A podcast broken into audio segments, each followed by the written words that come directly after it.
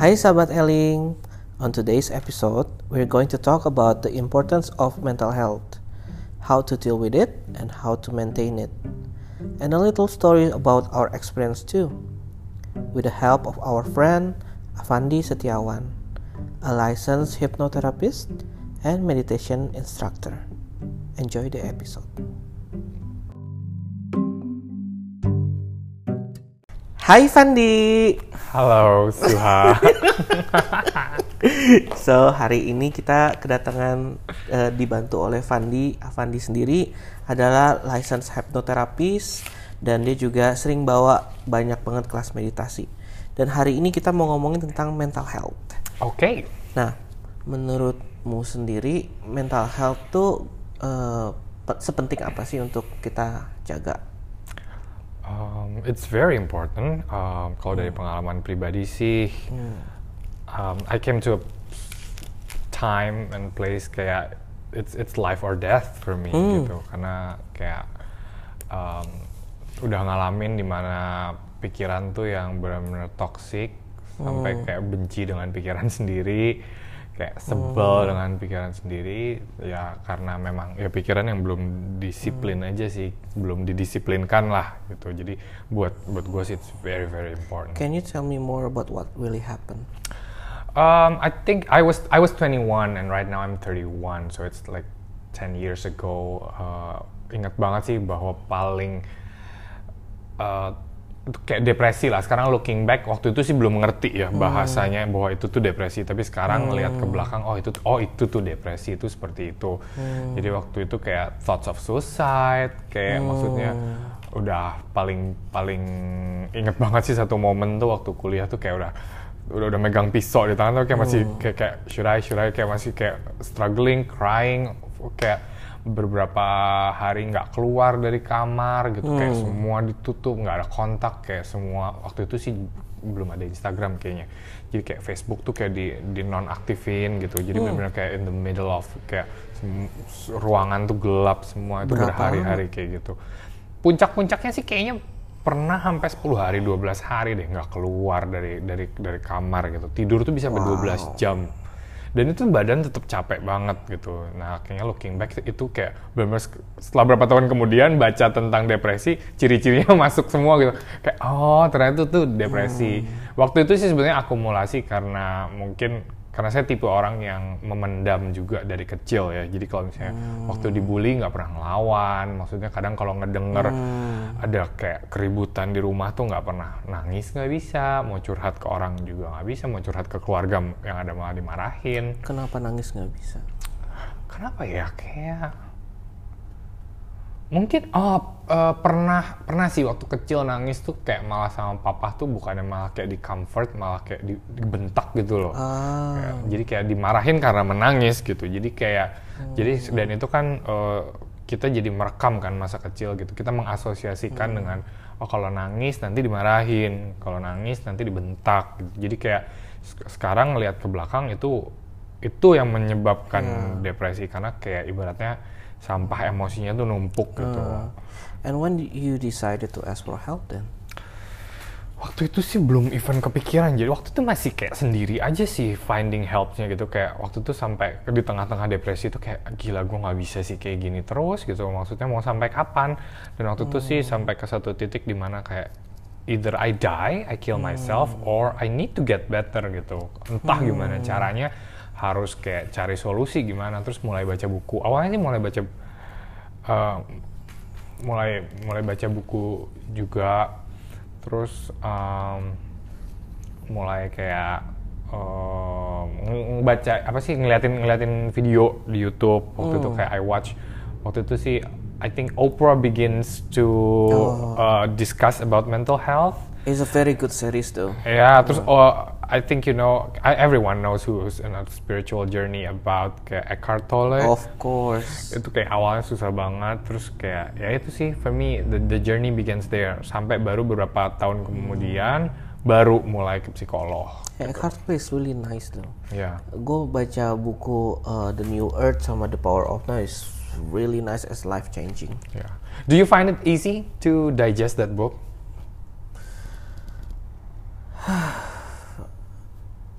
gue ingat waktu gue baca itu kayak eh, tiap kalimat gue harus balik lagi baca ulang kalimatnya yes, yes, yes. yes. I thought I'm the only one. Kayak pertama baca kayak nggak ngerti apa-apa gitu loh.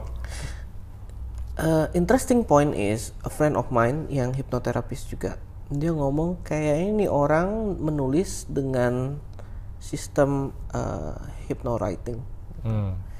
somehow gue pun ngerasa pada saat gue baca dan ada di momen-momen tertentu gue merasa kayak on the moment of trance gitu loh Ah. kayak somehow I I sense everything around me gitu after I read that gitu Kayak there's there's certain level of presence even Of in the writing. iya. Oke. It's very interesting.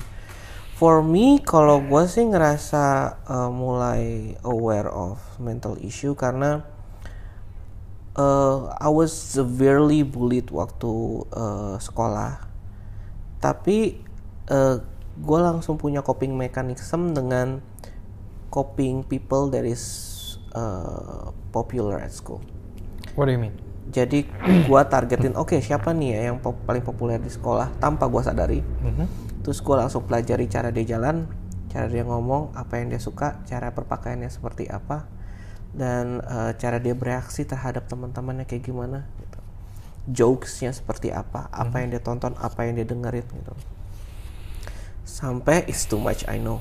Eh, sampai eh, hal ini gua lakukan eh, jadi kayak apa ya kayak respons eh, langsung gitu tanpa gua harus mikir dulu gitu tiap kali ketemu orang tiap kali masuk ruangan baru tiap kali komunitas yang baru sampai akhirnya oh I kinda lose myself deh gitu Kayak mimicking Iya. other people Iya. in in order to how iya, survival iya, mode ya. uh-uh.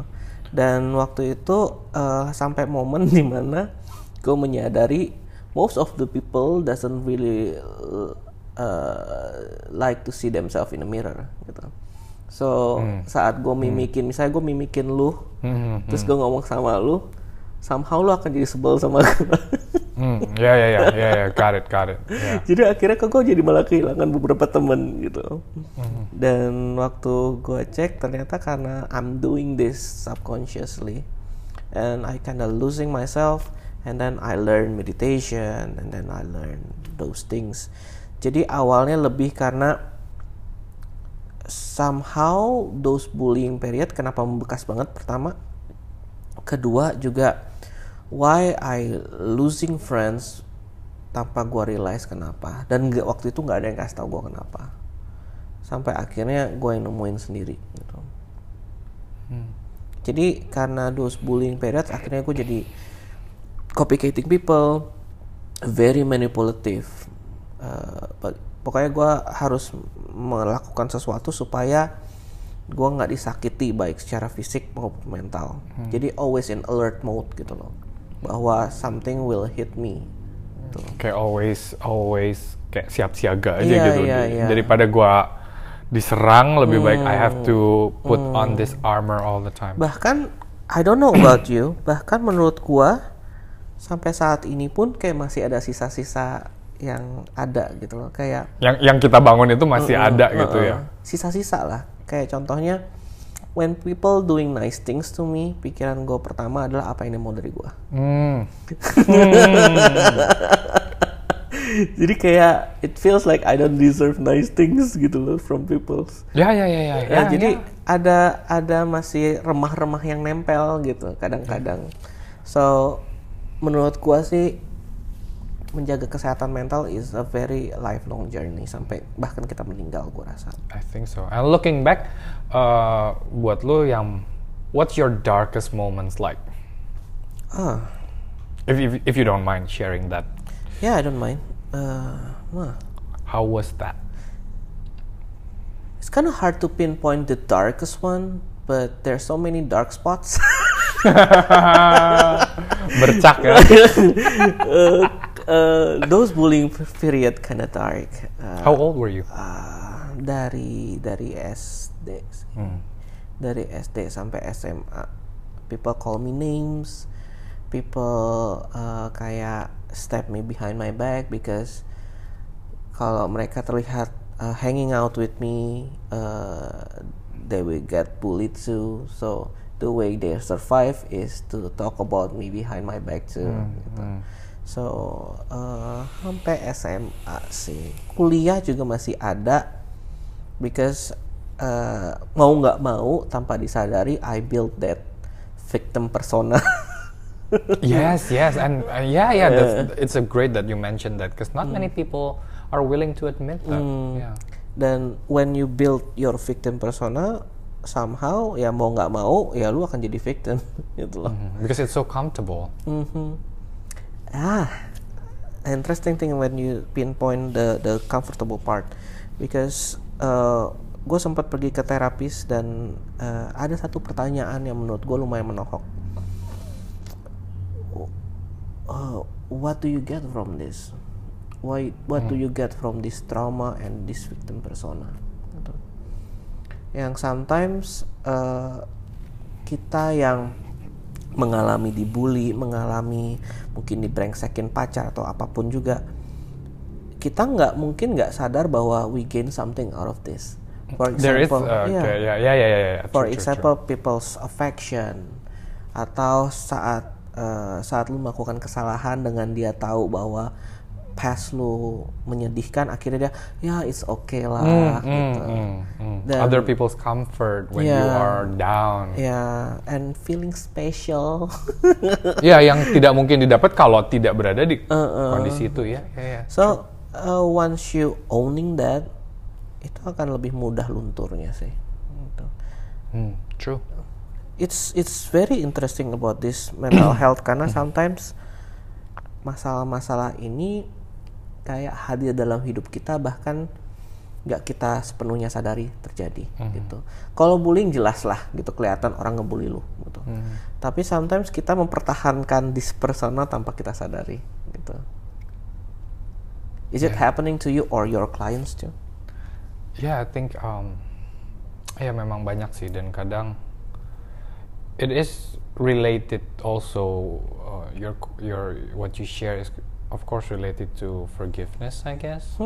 Dan itu kayaknya quite impossible kalau nggak ikut dibahas apalagi tentang bullying gitu. Maksudnya kadang orang kadang di, di pikiran kita kita bisa I'm okay. Kita udah move on gue udah maafin. Tapi sebetulnya di dalam tuh kayak masih bergejolak kayak gila pengen gue tonjok ya. Kayak maksudnya sering nggak sih mungkin lu I don't know ya lu pernah ngalamin nggak kayak lu nge-rehearse di otak lu sendiri kayak kalau nih ya gue ketemu orang itu lagi apa yang lu bakal omongin ke dia. Terus kadang eh, ngerasa juga bahwa bullying itu kadang jadi drive juga Ya. untuk ingin membuktikan gue bisa lebih sukses gue pengen. Maksudnya kita we want that moment yang kita bisa buktiin kayak apa ya? I can make it. ya gue buktiin tuh kepada bully-bully gue dulu tapi It's very tiring. It is, it is because it's coming from a space of apa ya? I need to prove myself Yeah. gitu dan A place of that I'm not enough. ya ya ya dan kayak maksudnya lu jadi kayak lu jadi apa ya mati-matian ngoyo untuk membuktikan buat orang lain gitu nggak sih sedangkan kalau misalnya kita benar-benar udah bisa maafin maksudnya kita bisa iya udah sih and and from the spiritual perspective I think yang bisa ngubah gua sih waktu itu adalah kita semua di sini tuh kayak apa ya kayak sandiwara aja bahwa sebetulnya our souls udah punya agreement gitu. Oke one day uh, soul gua akan jadi Avandi soul lu akan jadi Suha. One day kita akan ketemu akan ngobrol ngebahas ini tujuannya untuk ngebantu orang. Dan waktu itu yang agak sulit tapi akhirnya gue bisa terima bahwa bully pun punya agreement gitu secara secara secara soul dengan diri kita. Kayak oke gue akan berperan sebagai bully lo. Gue akan ngajarin lo untuk stand up for yourself. Gue akan ngajarin lo tentang forgiveness. It's not gonna be fun. It sucks. Kayak it- I- I'm gonna make so much pain in your life. Sehingga lo akan level up in your spiritual journey. Dan itu yang itu yang ngebantu gue sih Dan and, and I think one of those things yang membantu kita juga adalah that we are not alone Yeah. gitu in this actually. Maybe at that time we feel that we are alone. Yeah, no, uh, we we look at other people's lives so beautifully, but kita ngelihat behind the scene-nya kita like damn like this sucks yeah, but to be honest, seperti Avandi kan juga bikin berapa kelas dan aku juga bikin berapa kelas. There are so many people facing this. true So, yeah, it's it's it's happening to others a lot, es- especially karena zaman eh, internet sekarang semua orang jadi ngebulinya jadi lebih mudah. it, it, it it's amplified to a new level yang sebelumnya nggak exist gitu Which is dulu aja udah cukup parah ya. ya I don't know what happens now. gitu. Yeah. And I think I, I, that's a good point that you point out uh, about social media. I think bukan bukan social medianya, bukan internetnya, tapi lebih ke arah How we use it. ya. Dan ini sebetulnya kayak ini hanya memagnify apa yang sebetulnya ada di dalam diri kita anyway gitu. Sebelnya adalah sekarang kayak everyone entitled to to talk uh, to give opinion harshly. Karena sekarang kan you don't have to give your pictures. you can even make a new account just to piss off someone. Ya the apa ya? Ada ada ada sisi kerahasiaan yang sebelumnya mungkin tidak ada. Jadi orang jadi orang bisa ngeluarin busuknya mereka yang sebelumnya memang tidak mungkin diekspos gitu karena ada ada kerahasiaan di internet itu yang membuat Bahkan orang gue kayak pernah denger ada ada juga bullying terjadi di sekolahan sekarang. Eh, dia benar-benar bareng-bareng sama teman-temannya bikin akun palsu dan untuk ngebully one person in particular. It's like wow, that's crazy. the length of energy and time. Makanya. I think ya, um, ya, I, I mean that's real. Kita memang punya sisi itu juga sih. Gue curiga kayak judulnya bakal ganti dari mental health awareness ke bullying. yeah, because it's real. It's real. I Okay. know. And how how do you uh, how how do you survive in that period? And uh, mungkin juga setelah melewati semua ini, uh, what's new things that you find out about yourself? I think that's a good question to ask ya, survival kit karena uh, penting buat kita berbagi Mm-hmm. uh, uh, survival kit. gitu. Buat gue waktu itu kalau gue Even though maybe it's not working for everyone, Ya, tapi at least kita bisa ya apa Just salahnya? try. Coba ntar kita juga kayak banyak juga orang yang ngasih tahu info mereka kayak gue cobain eh enak juga nih gitu. Uh, gua sih waktu itu yang kebantu banget gue deng gue dengerin lagunya uh, albumnya Christina Aguilera yang Street sih. itu kalau nggak ada itu gue nggak survive bullying kayak kadang lo kalau udah habis dari sekolah curhat nggak mungkin kayak mau cerita ke bonyok malah dimarahin gitu kayak kalau dibully kayak dibully ah bencong lu terus kayak misalnya mau cerita ke nyokap malah dimarahin. Ya kenapa kamu sampai diejek bencong? Ya nggak tahu emang bencong gimana kali? Gimana lagi coba? Terus kayak ya udah akhirnya sambil sendu menangis dengerin Christina Aguilera kayak I am beautiful no matter what they say terus nangis udah gitu kayak ya udah diputer aja terus waktu itu sih I think that's the the the power of songs ya that's why the power of I think it's like Music. self affirmation. Ya, in a way, I think makanya buat mereka yang dengerin ini yang mungkin punya bakat bermusik, that's it, that is a spectacular. And that's a good sih. point too. Sometimes we need to be careful about the music that we listen to juga. Yeah, true, true. Karena true. kalau kamu ulang uh, message yang sama berkali-kali, it, it's gonna be a part of you. yeah, it, it becomes your yeah your your mantra in a way. Yeah. Kalau misalnya How about you? uh, mantranya adalah uh, I'm a bad guy or Shit. no no no I, I like the music so much atau I'm a mess Ah ya ya ya ya ya I was ya like, ya, ya. uh, what so I should li- uh, listen to word that I'm a mess every day Hmm, ya ya ya. at least kalau I'm a bad guy the music is so good and so funny gitu. Iya iya benar. Waktu itu kalau zaman zaman gue ketahuan angkatannya, gue sih zamannya Destiny's Child, I'm a Survivor ya. oh iya kayak zaman zaman dulu kayak kata-katanya jauh lebih enak ya Uh, I think so, ya, maybe mungkin ya. Jadi kayak the the message of kayak empowering gitu, independent woman. or fighter yes. uh, Ya. not baby hit me one more time ya Oke, itu mengarah ke abusif ya. okay, so let's talk about um, usually kan orang-orang yang datang dan uh, terapi mereka kadang-kadang kan juga uh, having kind of like talking about abusive abusive relationship with themselves Hmm, hmm. gitu. Eh, paling parah mungkin bisa cutting and everything. Tapi ada juga kan yang abuses as if as in eh, kata-kata ke diri dia kasar banget kayak eh, lu bego banget lu uh, dan everything gitu. So what usually you uh, uh, give suggestion that you give to them? Eh, biasanya yang kalau memang orang ketemu pola-pola itu biasanya saya tanya itu dapat dari mana? Hmm. biasanya karena kadang kata-kata yang kita berikan ke diri sendiri itu biasanya kita nggak nyiptain sendiri sih. Kita cuma copy paste aja dari orang tua kita dari siblings kita dari bullies kita. Biasanya yang paling menciptakan imprint paling kuat tuh justru kayak kita ulang-ulang gitu. Jadi kadang biasanya kalau di kalau klien memang muncul iya I, I'm so harsh towards Yeah. myself biasanya pertanyaan yang membuka kayak kena banget itu oke ini pola punya siapa Ya. Menariknya pada saat lu cerita gitu tadi gue kepikiran atau kadang-kadang guru sekolah kita, yes yes atau guru les, guru les gue galak banget dulu sumpah. those bitches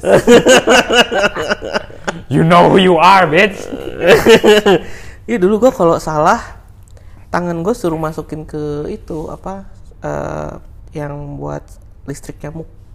hah Heeh. Kalau enggak dipukul pakai eh, buku akuntansi yang tebel palanya. gila itu kelewatan Iya. Iya. gila gila Kalau gila orang yang itu. tinggal daerah Muara Karang pasti tahu tempat lesnya di mana karena sebutkan udah tutup tempat lesnya. ya Tapi sudah ya itu pantasnya tapi eh, pasti banyak yang tahu karena lumayan terkenal. Ya. Dan yang bahaya tuh kadang kita stuck di, di habit itu gitu, karena orang lain melakukan itu ke kita. Jadi kadang kita ngelihatnya, oh ya udah gue pantas digituin, dan itu treatment yang yang itu level that's that's the level yang kita stuck di situ gitu. Ya. Jadi kita Dan kita terbiasa. nggak mau ngomong ke orang tua karena orang tua juga bilangnya lu sih bandel. Ya ya ya ya ya. ya. Yes, yes, yes. Itu banyak banget. Jadi kayak kita mencari perlindungan dan Iya. support dari orang tua malah nggak dapat, malah kita again balik lagi. eh, jadi kadang-kadang sometimes mungkin orang tua juga I'm not blaming you guys. uh, But I'm blaming you. But I know you did that karena orang tua kalian juga melakukan hal yang sama. Tapi kadang-kadang kalau anak datang ya dengerin aja. That's enough. Kalau langsung dibilang kamu sih begini, kamu sih gitu, you put shame to the children, gitu. Dan the next time something bad happen, they will not talk to you Ya, about tuh. this. Karena reaksi yang didapetin bukan bukan something yang positif, tapi malah negatif deh. Orang-orang mikir, ya ngapain gue cerita sama lu? You have to make a space that is safe enough for them to speak. Ya, Mm-hmm. true. Yeah. Is that is that what happens to you with with your parents? I think because we're like a very traditional Chinese family, kita nggak biasa bilang kayak I love you towards each other or hugging one another. Kayaknya hugging or kissing itu kind of like tanda kutip special occasion like Kalau pergi ke luar negeri gitu. uh, kalau pergi ke luar negeri. In gitu. case you don't come back. Ya. So it's a very awkward situation dan waktu itu aku juga nggak gitu deket sama orang tua. So I'm more close to my nanny. and my nanny is uh, ya he- she have a very troubled past juga gitu. So semuanya itu terreflect juga dari cara dia memperlakukanku. gitu. So long story short, I don't really have anyone to run to. Mhm. I think that happened to you too, right? Yeah. That sucks though. Yeah, that really sucks. Especially ya, maksudnya makanya untungnya sih sekarang I think the, the positive side I think more karena karena generasi kita tuh udah ngalamin dan generasi kita mulai lebih kayak I have enough of this shit. Jadi kayak kita harus berhentiin sih pola ini. Di sekolah lu ada guru BP nggak sih? Ah, Keguna kali. Ya Apa sih? kenapa ya? Guru Tapi BP. wah, kenapa kita nggak bisa maximize their usage gitu di sekolah gitu. Kalau gua sih dulu gara-gara the, the kalau po- pola pandang gue ya, karena stigmanya tuh udah bener kalau dipanggil BP tuh kayak Ya, itu pertama. Gitu. Jadi kayak anak-anak tuh benar-benar kayak instead of mau utilize the tools, mereka kayak Iya. anti banget gitu. Dari tempat gue juga guru BP-nya itu kayak lumayan ember. Jadi kalau lu ngomong ke dia, ya orang, misalnya gue ngomong tentang ah guru ini nih dia misalnya mukulin misalnya gitu ya, dia bakal langsung tegur guru itu gitu. Dan lu disebut lagi namanya. Uh, I don't know, I, I even forgot about it, but itu yang terkenal di sekolah. Jadi buat apa cerita ke dia juga gitu. Ya. Ya karena kode etiknya Because juga belum berjalan at- sih. Ya dan dan yang sebenarnya waktu kita kecil butuhkan hanya didengar. Yes. not to to fix our problem sometimes. Kalau sampai memang keterlaluan sekali, let's help each other dan communicate how you wanna help us. gitu. Jangan doing it behind our back. Akhirnya trustnya kan jadi nggak muncul kembali. Gitu. Dan ini buat yang dengerin juga mungkin bisa jadi pelajaran juga ya, karena kadang teman butuh waktu, butuh kayak pengen curhat dong gitu. Dan kadang banyak dari kita tuh kayak di usia SD, SMP, SMA gitu, kita, kita kayak bingung mau ngomong apa ya. Nggak usah, nggak usah bingung mau ngasih saran apa, dengerin aja waktu itu. Karena kalau pengalaman saya pribadi juga dulu kayak teman-teman tuh kayak out of nowhere aja tiba-tiba datang ke saya terus curhat gitu. Karena saya waktu itu memang tidak punya kapasitas apa-apa nggak tahu mau ngomong apa jadi ya udah diem aja dengerin aja. Dia kayak telepon ke rumah dua jam gitu sampai nyokap gua "Lu ngapain sih? Itu telepon lama banget itu yang bayar pulsa siapa kamu apa dia gitu. tapi akhirnya yang dari pelajaran itu kayak oh ya orang tuh cuma butuh didengar sih Iya. Toh kalau kita kasih saran juga 99% pasti nggak diikutin kok. Iya, belum belum tentu juga dia butuh gitu.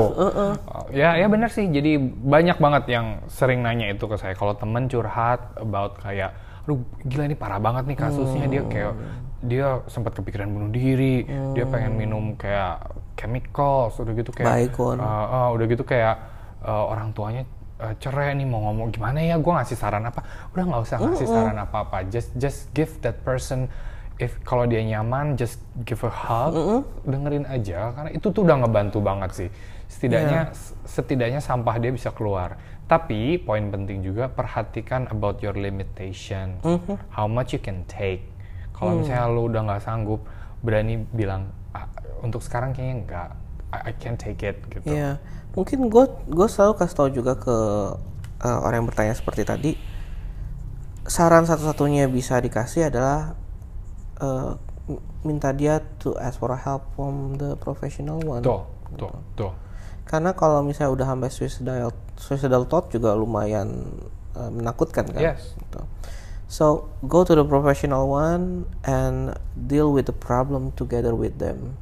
ya Karena kalau dibiarin terus menerus ini juga akan meledak suatu hari nanti. iya betul true And we have to remember that uh, seperti tadi Ivan dibilang kalau kita nggak pernah belajar di bidang ini dan kita juga nggak tahu gimana kasih sarannya, kita harus tahu limitation kita sarannya kita seberapa. ya Dan mending kasih ke orang yang profesional yang bisa membantu. betul Could be psycholog, could be a hypnotherapist, could be a therapist or a psychotherapist or any- anyone that you know. Mhm.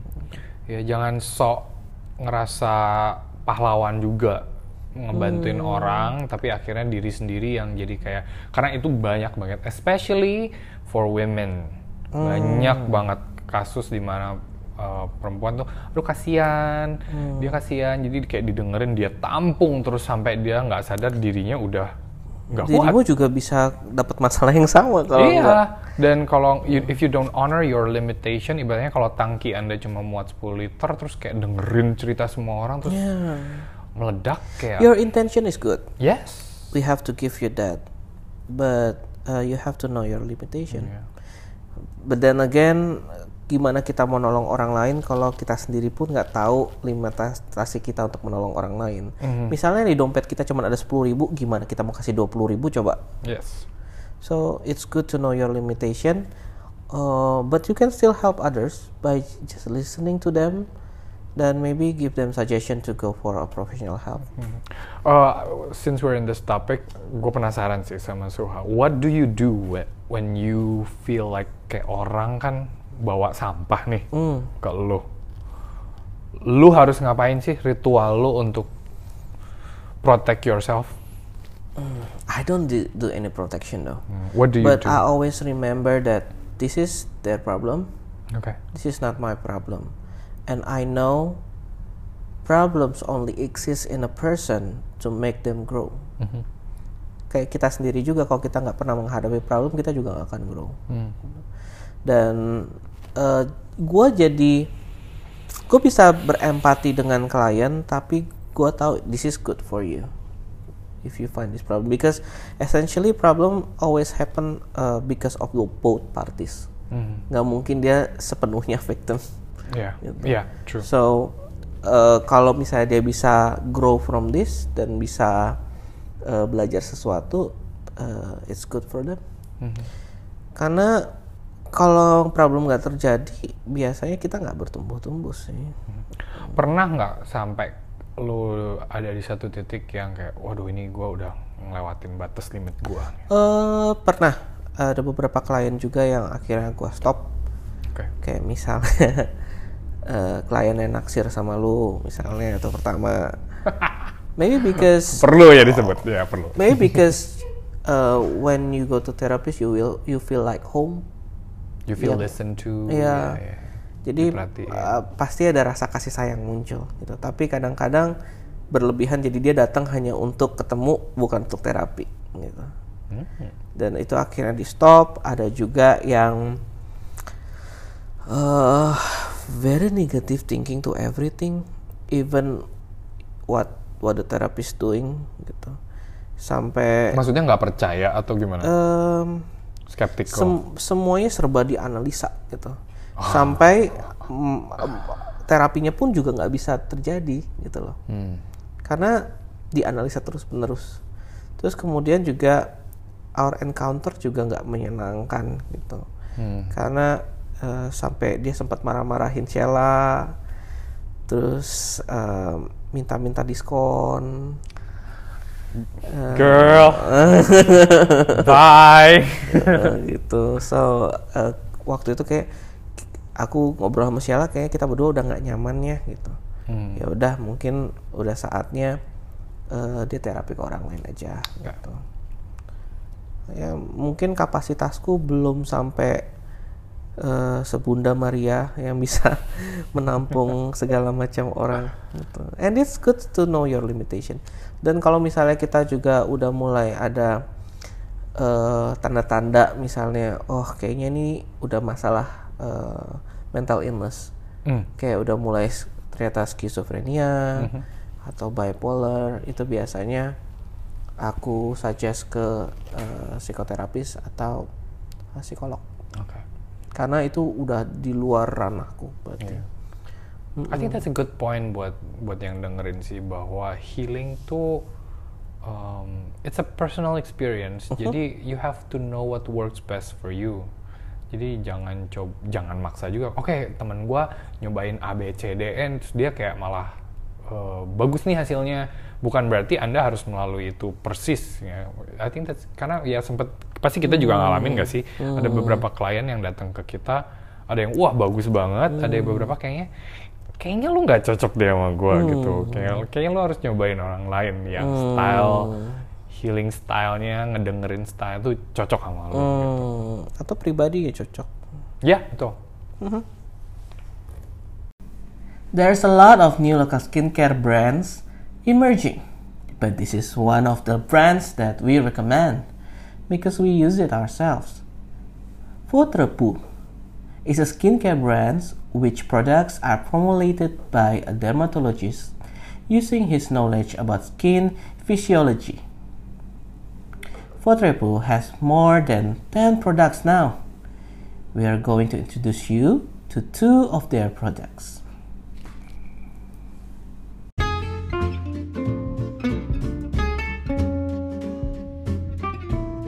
Peptide induces cellular repair, regenerate, and reduce fine lines. It is best used as an aging gracefully treatment and plumping up the skin. Retinol regenerate your skin cells, reduce fine lines, smoothen and reduce comedone's plaque. This formula will smoothen the skin and reduce epidermal water loss, hence creating a smooth and hydrated skin.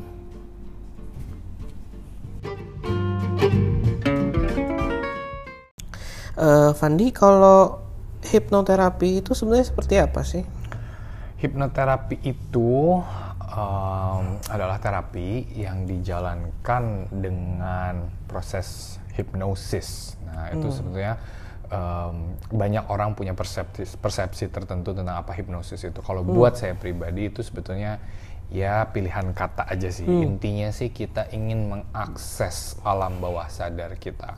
Terus kalau orang orang nanya kayak alam bawah sadar tuh apa sih gitu. Alam bawah sadar itu sebetulnya kesadaran paling dalam kita yang sudah ada sejak kita berada di dalam kandungan uh-huh. ibu kita. Jadi itu merekam semuanya, uh-huh. semua emosi kita, semua emosi ibu kita, trauma, trauma apa yang diserap oleh ibu saat tidak masih mengandung uh-huh. itu kita serap juga, terekam juga. Uh-huh. Um, kalau contoh nyata itu habit kita itu di uh-huh. subconscious. Kemudian uh-huh. uh, semua kegiatan organ tubuh itu adalah subconscious. Kita nggak harus mikir hmm. mencerna makanan segala macam. Nah, kita ingin mengakses dari level situ. Kadang orang mikir kenapa ya kok gue anxious terus karena karena secara pikiran mereka kayaknya everything's fine kayak banyak banget klien gue juga kayak they seem to have everything gitu kayak keluarga bagus kayak duit nggak habis habis gitu kayak tapi tetapnya kayak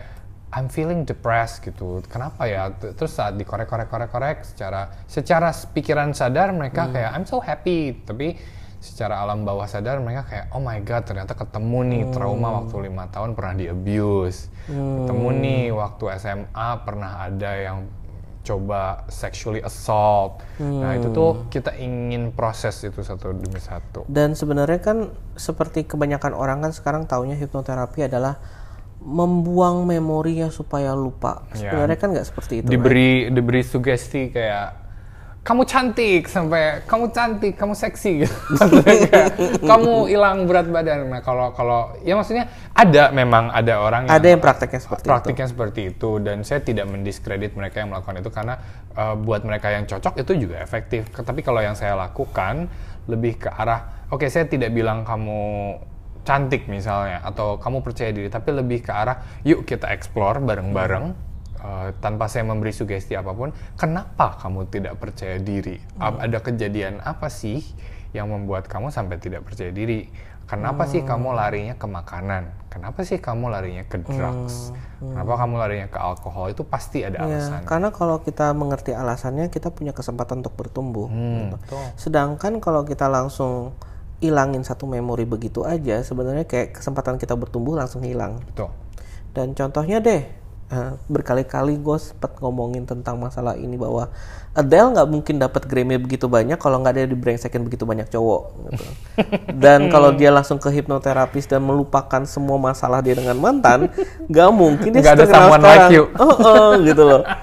So actually your pain in the past itu can be no longer as a pain in the ass gitu. Yeah, it, it's it always everything in life serves a purpose dan maksudnya um, ya buat buat kita mungkin gampang ya ngomong itu everything serves a purpose karena kita udah ngelewatin itu. Hmm. Tapi gua ngerti sih buat mereka yang in the middle of the pain itu hmm. kita memang agak sulit untuk ngerasa hah apa apa berkahnya ya gitu. Hmm. It, it sucks pokoknya gue tahu gue nggak seneng ngalamin hmm. ini. Tapi ya yang satu-satunya yang bisa gue kasih tahu is keep going really yeah. keep going if if if you're in the middle of the darkness keep going until you actually find the light gitu yeah I remember one of my clients uh, dia seorang ibu-ibu uh, yang pengen banget punya anak tapi keguguran terus mm, mm. dan setelah beberapa kali ketemu ternyata dia mendapatkan bahwa callingnya dia justru jadi uh, a blogger mom yang membantu orang-orang yang mengalami keguguran sekarang mm, mm, gitu. Mm. So your your pain right now could be a blessing for someone and yeah. yourself in the future. Yes, it's it's um it's the art of transformation. Atau contohnya lagi deh, aku sama kamu kalau nggak dibully dulu nggak mungkin kita duduk berdua ya, ngobrol ya, ya. tentang hal ini. Ya betul. Mungkin bagi mereka yang ngedengerin kayak waktu itu sih gue mikir how can I change my pain into money. Oh, no no no, but also how can what I experience can be transformed into a service for others. Mungkin lebih ke arah seperti itu ya.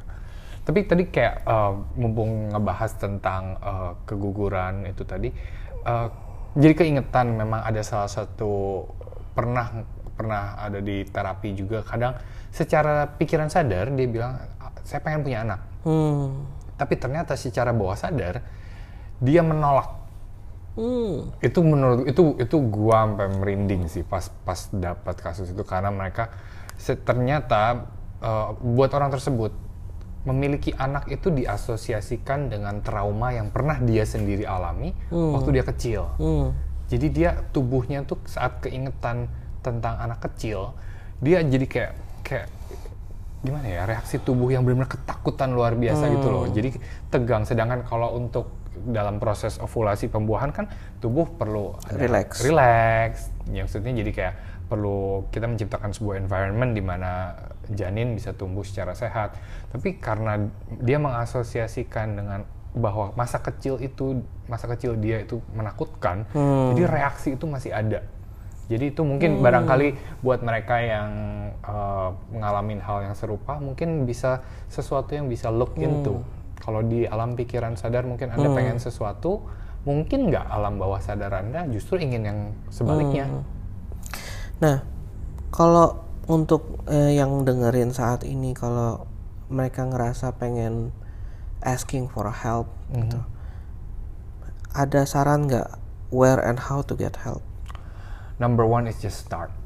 Mhm. Wherever you are, di mana pun cob- cobain aja, nggak nggak usah takut, nggak usah maksudnya mikir kejauhan ini bener apa enggak ya orang ini cocok apa enggak ya. Maksudnya you you learn by trying gitu nggak sih. Kalau misalnya ternyata ya mungkin cari yang you can afford dulu. Maksudnya jangan yang maksudnya invest too much on something yang hasilnya anda nggak yakin juga gitu cari referensi orang lain, ngobrol dulu, nanya-nanya itu cocok nggak dengan orang si terapisnya. Karena ada ya ada juga yang misalnya beberapa klien saya pernah dia pernah ke orang lain terus dia curhat tentang gue masih kesel nih sama orang tua dan bukannya didengerin dia malah di, dimarahin. Iya, gue juga pernah denger kayak gitu. kayak nggak boleh gitu dong sama orang tua. Terus akhirnya dia kayak aduh gue tambah kesel gitu. Jadi kayak bukannya bukannya emosi gue tervalidasi tapi malah gue malah disalahin gitu. Nah itu itu itu poin penting sih cari yang cocok untuk anda dan explore Dan perlu ingat juga, mungkin karena kita tidak hidup di budaya yang mempentingkan diri sendiri, Hmm, dan budaya Indonesia kan serba service for others. mm, ngalah Heeh. Nah, kita perlu juga memikirkan bahwa let's take time for ourselves gitu. It's okay to uh, invest on your own mental health. ya gitu. At the end of the day, uh, you are your number one priority. Yeah.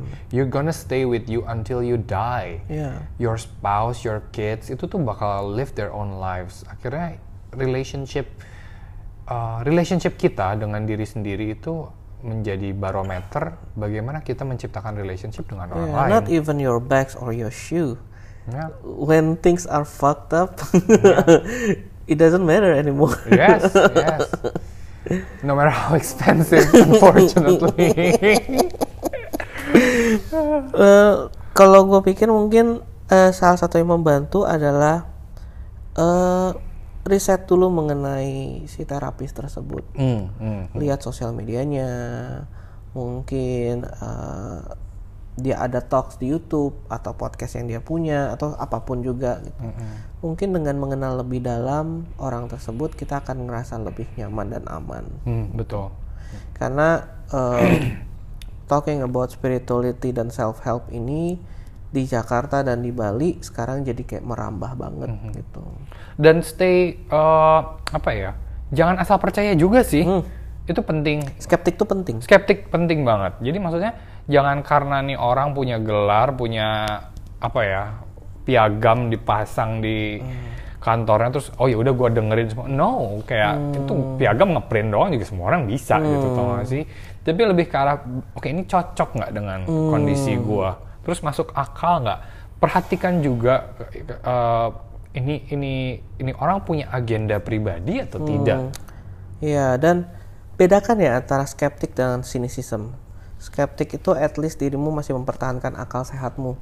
True. Nggak percaya sama orang bisa keluarin duit dari perutnya dia. ya true. Dan juga eh, kalau cynicism kan biasanya semua ini ngomongin langsung ditolak mentah-mentah. negate Eh, bukan seperti itu, tapi maintain your own eh, awareness, akal sehatmu mengenai apa yang dibicarakan. Suha pernah nggak maksudnya terapi dan ngerasa mau kayak malah kayak ini enggak banget buat gue. Hmm. Have you ever had that? Let me remember. Ah, pernah sih. I cannot name names. Eh, cuma eh terlalu apa ya? Terlalu imajinatif ya, gitu. Kayak kok aku nggak merasa relate dengan apa yang dia kasih tahu gitu dan tiba-tiba kayak eh, it doesn't really help me that much gitu. Do you do you actually feel worse after it? Not worse. eh cuman um, I feel like I'm wasting time And money. and money. Ya, sometimes ada orang-orang kayak gitu atau eh, ikut ke grup terus tiba-tiba eh, ngerasa kayak grup itu kok sangat sangat a bit apa ya black magic like Oke. kayak udah mulai aneh-aneh gitu. Spill the Ya. tea, spill the tea. kayak udah mulai ada patung-patung aneh di ruangan. Terus lu disuruh nyembah patung. Enggak sih, cuman ya aneh aja gitu. Oke. Ya. Jadi yang kayak gitu-gitu ya keep awareness gitu. Kalau misalnya, oh udah ada tanda-tanda yang aku ngerasanya nggak nyaman gitu. Percaya your instinct. percaya instingmu gitu.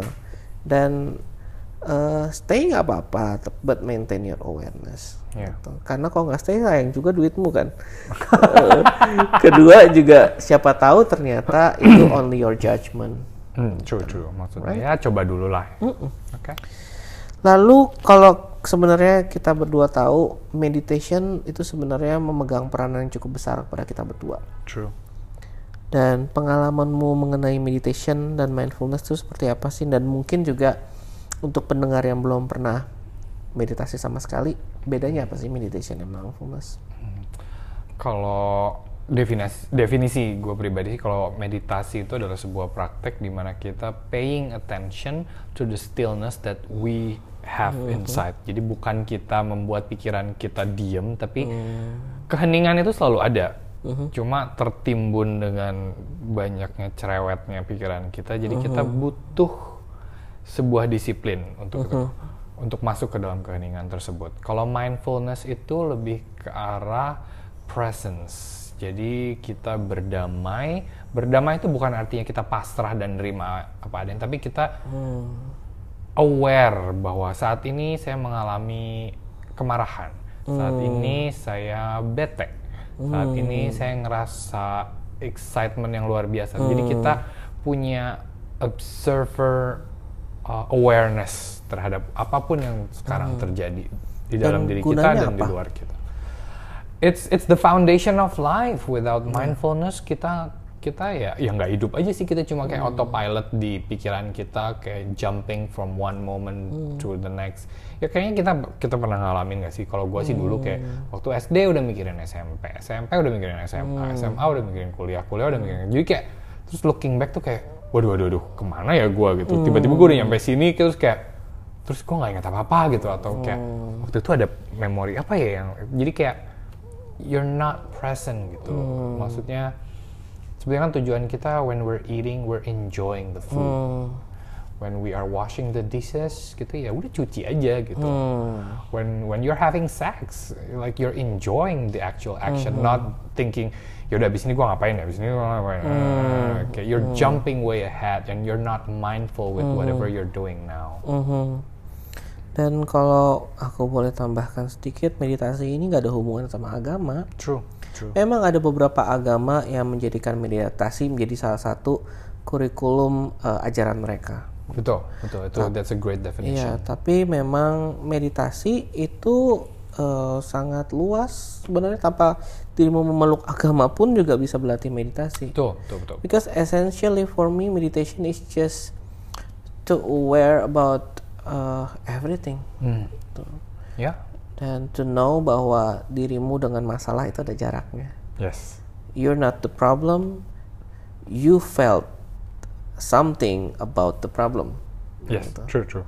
So meditasi sangat membantu banget dan kalau aku rasanya kayak mindfulness itu sebenarnya kayak eh, salah satu teknik meditasi sebenarnya ya. Mhm, Dan tekniknya juga ada ada beberapa macam lain kan, right? mhm. Like hearing noises, Grounding. uh-huh, atau scanning tubuh, mhm. atau juga memperhatikan lilin. Walking out in nature Ya. Kayak ya ya Hmm. lu pertama kali meditasi gimana Ke kecemplung nyobain meditasi Oh ya itu yang tadi gue cerita tentang gue ngerasa kehilangan diri gue sendiri. terus maksudnya ada baca buku tertentu kah Oh enggak, atau waktu ikut? itu langsung ikut kelas Mas Reza di sekarang udah nggak nggak bawa lagi dia udah nggak ada kelas meditasi lagi. tapi dulu berarti ada memang waktu itu udah tahu oh gue butuh meditasi nih gitu eh, dulu beruntungnya itu tuh dia ngajar siap Rabu. Jadi siap Rabu bayangkan siap seminggu sekali gue eh, bawa mobil dari Muara Karang ke Dharma Wangsa untuk ikut gitu. Because I'm, I'm desperately needed help while I don't have much money. Dan waktu itu kelasnya sangat murah banget. Jadi cuman kalau nggak salah 100 ribu sekali datang gitu. And yeah, I I gain a lot of uh, insight and growth there. oh good good good Dan uh, menariknya di sonolah gue belajar berbagai macam teknik meditasi. Hmm. Jadi sistemnya waktu di sana itu bukan kita latihan satu teknik terus menerus, tapi kita juga coba-coba teknik lain sambil di rumah kita eh, latihan yang kita diajarkan selama seminggu. Gitu. So it's very interesting gitu. Bahkan gue paling suka ada yang namanya teknik eh, monkey breathing. gitu. Jadi eh, itu tuh kayak eh, kita mengekspresikan dengan wajah kita dan mengeluarkan segala suara yang kita ingin keluarkan selama beberapa menit. Habis itu kita relax. Kayak gitu. Ah, iya, iya, Show iya, me, show iya, me. iya, iya, iya, gitu, gitu, gitu, gitu. So, so, mungkin yang dengerin nggak tahu mukanya kayak gimana, tapi mukamu tuh bener-bener kayak kayak monyet sebenarnya. Jadi kayak That's digerakin new. ke mana-mana I learned gitu. something new today So sampai akhirnya ngerasanya tubuh tuh jadi meditasi ini tuh kayak kayak kalau kita buka komputer dan kita reset gitu. Hmm, hmm, Jadi ini tuh untuk reset our uh, our mind. hmm. great So menarik waktu itu gue belajar dari. Kalau lu udah belajar dari India, right? Kalau pertamanya banget sih enggak ya. Dulu gue malah nggak nggak ada nggak tahu tuh kata meditasi itu apa. Awalnya tuh gue baca tahu itu. Terus ada satu gue kan orangnya males. Terus ada satu kayak satu verse dia bilang uh, do nothing achieve everything. Hmm. Dan itu kayak apa ini maksudnya ya? Maksudnya dan and then I That must explore. be nice tuh. Iya, terus kayak, uh enak banget do nothing. Karena kan maksudnya karena di keluarga, especially di keluarga Chinese kan kita dididiknya dari dulu kan kayak struggle, struggle, struggle, struggle gitu. Tau gak sih? Kerja keras banting tulang untuk mendapatkan semua. Tapi entah kenapa dari satu verse itu kayak powerful banget. Do nothing, achieve everything. Itu kayak sekarang looking back, I know that it means meditation gitu. Kayak jadi kayak kita kita kayak centering ourselves, masuk into certain frequency dan kita kayak adjust diri kita gitu. Jadi nggak ngoyo lagi dan kebukti sih maksudnya kalau I don't know about you, kerasa nggak sih kalau nggak meditasi dan meditasi itu Iya, kayak iya. Tapi akhirnya pada saat gue lagi nggak meditasi dan berantakan, biasa gue jadiin eh hubungan gue dengan si berantakan ini jadi meditasi gue. hmm, hmm, you are becoming aware of the mess. and aware of that I don't like the mess. Yeah, I like Dan mungkin ada satu pertanyaan juga yang akan membantu adalah when you get there actually cukup sane enough. How you maintain that? um, How you maintain your sanity? I mean savor it.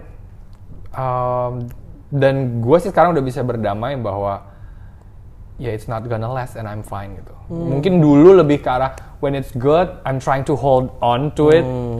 Uh, waktu itu Which become new problem. ya tapi sekarang lebih ke arah ya udah kita nikmatin aja selama ada savor it for what it is.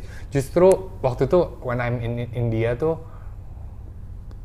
I get an aha moment. Kadang kita kalau baru belajar kita kita belajar untuk detach dari masalah. Tapi yang sebetulnya lebih sulit itu adalah saat kita detach dari kenikmatan dan dari keindahan.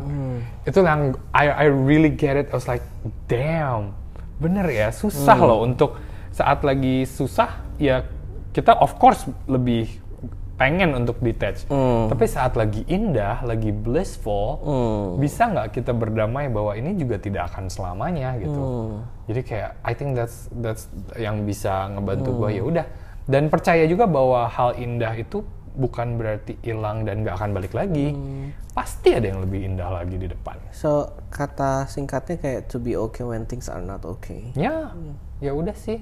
Dan na- nangis, nangis is my favorite. Like crying is my favorite. I love it, and I, that's I- what I suggest to all my clients. Kita dari kecil juga udah mekanisme alami kok nangis gitu. Jadi Quote kalau- of the day: Crying is my favorite. Yeah, it's like uh, yeah, listening to sad songs by you know Whitney Houston, Beyonce. Like Ketahuan ya umurnya ya. Christina Aguilera, Whitney Houston. harus diva, woy. karena Oh, belum ada yang selevel mereka nih. Oke oke oke. For me, kayaknya penting untuk bikin morning routine. Gitu. What do you do? Like um, meditation, or simple as stretching, or uh, just drink a cup of coffee or tea. Lihat ke beranda and be grateful where you are right now. Uh, doing self healing sometimes. Gue pikir lo ngomong selfie. doing self healing sometimes. Ya kalau lihat di Instagram gue jarang banget gue selfie. I'm not a, I'm not a fan of selfie. Eh apa lagi ya? I can add uh, yang ngebantu juga gua mungkin bisa coba nih tadi yang on top of yang disebutin Suha barusan adalah biasanya kalau gua ngelihat ke cermin terus uh, kayak I say my name and ask her how can I make today the best day of your your life so far? How can I make you happy today? Dan ya udah nggak usah nyari jawabannya nanya aja how can I support you today? How can I bless your life today? And then I just let it go. Mhm. It helps me a lot Okay, that's really nice. So let's talk about uh, what do you like so far about uh, living as a therapist, a hypnotherapist? Uh, it makes me humble so much. Um, gua ngerasa kayak gua dikasih sebuah privilege untuk untuk menyadari that this is my quote that we're all fucked up. And that and dan itu bukan sesuatu yang negatif atau membuat jadi pesimis ya kalau buat gua, tapi lebih ke arah itu mengikat kita our humanity bahwa semua orang tuh fucked up in their own way gitu. Jadi itu membuat gua lebih humble juga. Dulu kita sering banget ngelihat ke atas orang yang jauh lebih atraktif dari kita, jauh lebih kaya dari kita dan kita selalu ngejudge kayak aduh hidupnya enak banget ya. Tapi saat mereka datang sebagai klien dan share oh my god mereka punya semua tapi tetap mereka deal with suicidal thoughts. Gila ini ini orang udah seksi banget, ganteng banget segala macam. Ini orang perfect kayak physically tapi ternyata dia deal with self confidence issues. Itu membuat There's a lot like that. ya dan gua ngerasa kayak itu ngebantu gua banget untuk stop judging people. And stop judging ourselves. Stop judging ourselves. True, true. Yeah, yeah. Thank you for today, and I hope uh, this will help a lot of people. Mungkin sedikit welcome. sedikit uh, intermezzo. Kita juga sering bikin uh, uh, retreat. Uh, so if you're interested uh, to join our retreat, just uh, go to our Instagram page at Elingu atau me at Suhahudi or And for me it's Avandi 1988. Mm-mm. Di sana kalian juga bisa melihat kelas-kelas yang kami buat dan baik aku pribadi ataupun Avandi pribadi maupun retreat yang kita buat bersama. So we hope we meet you soon perhaps dan uh, just write us something mungkin ada sesuatu yang kalian dapat dari sesi ini uh, we will be very appreciate kalau bisa share juga dan tag ke kita. Oke, okay, see you soon.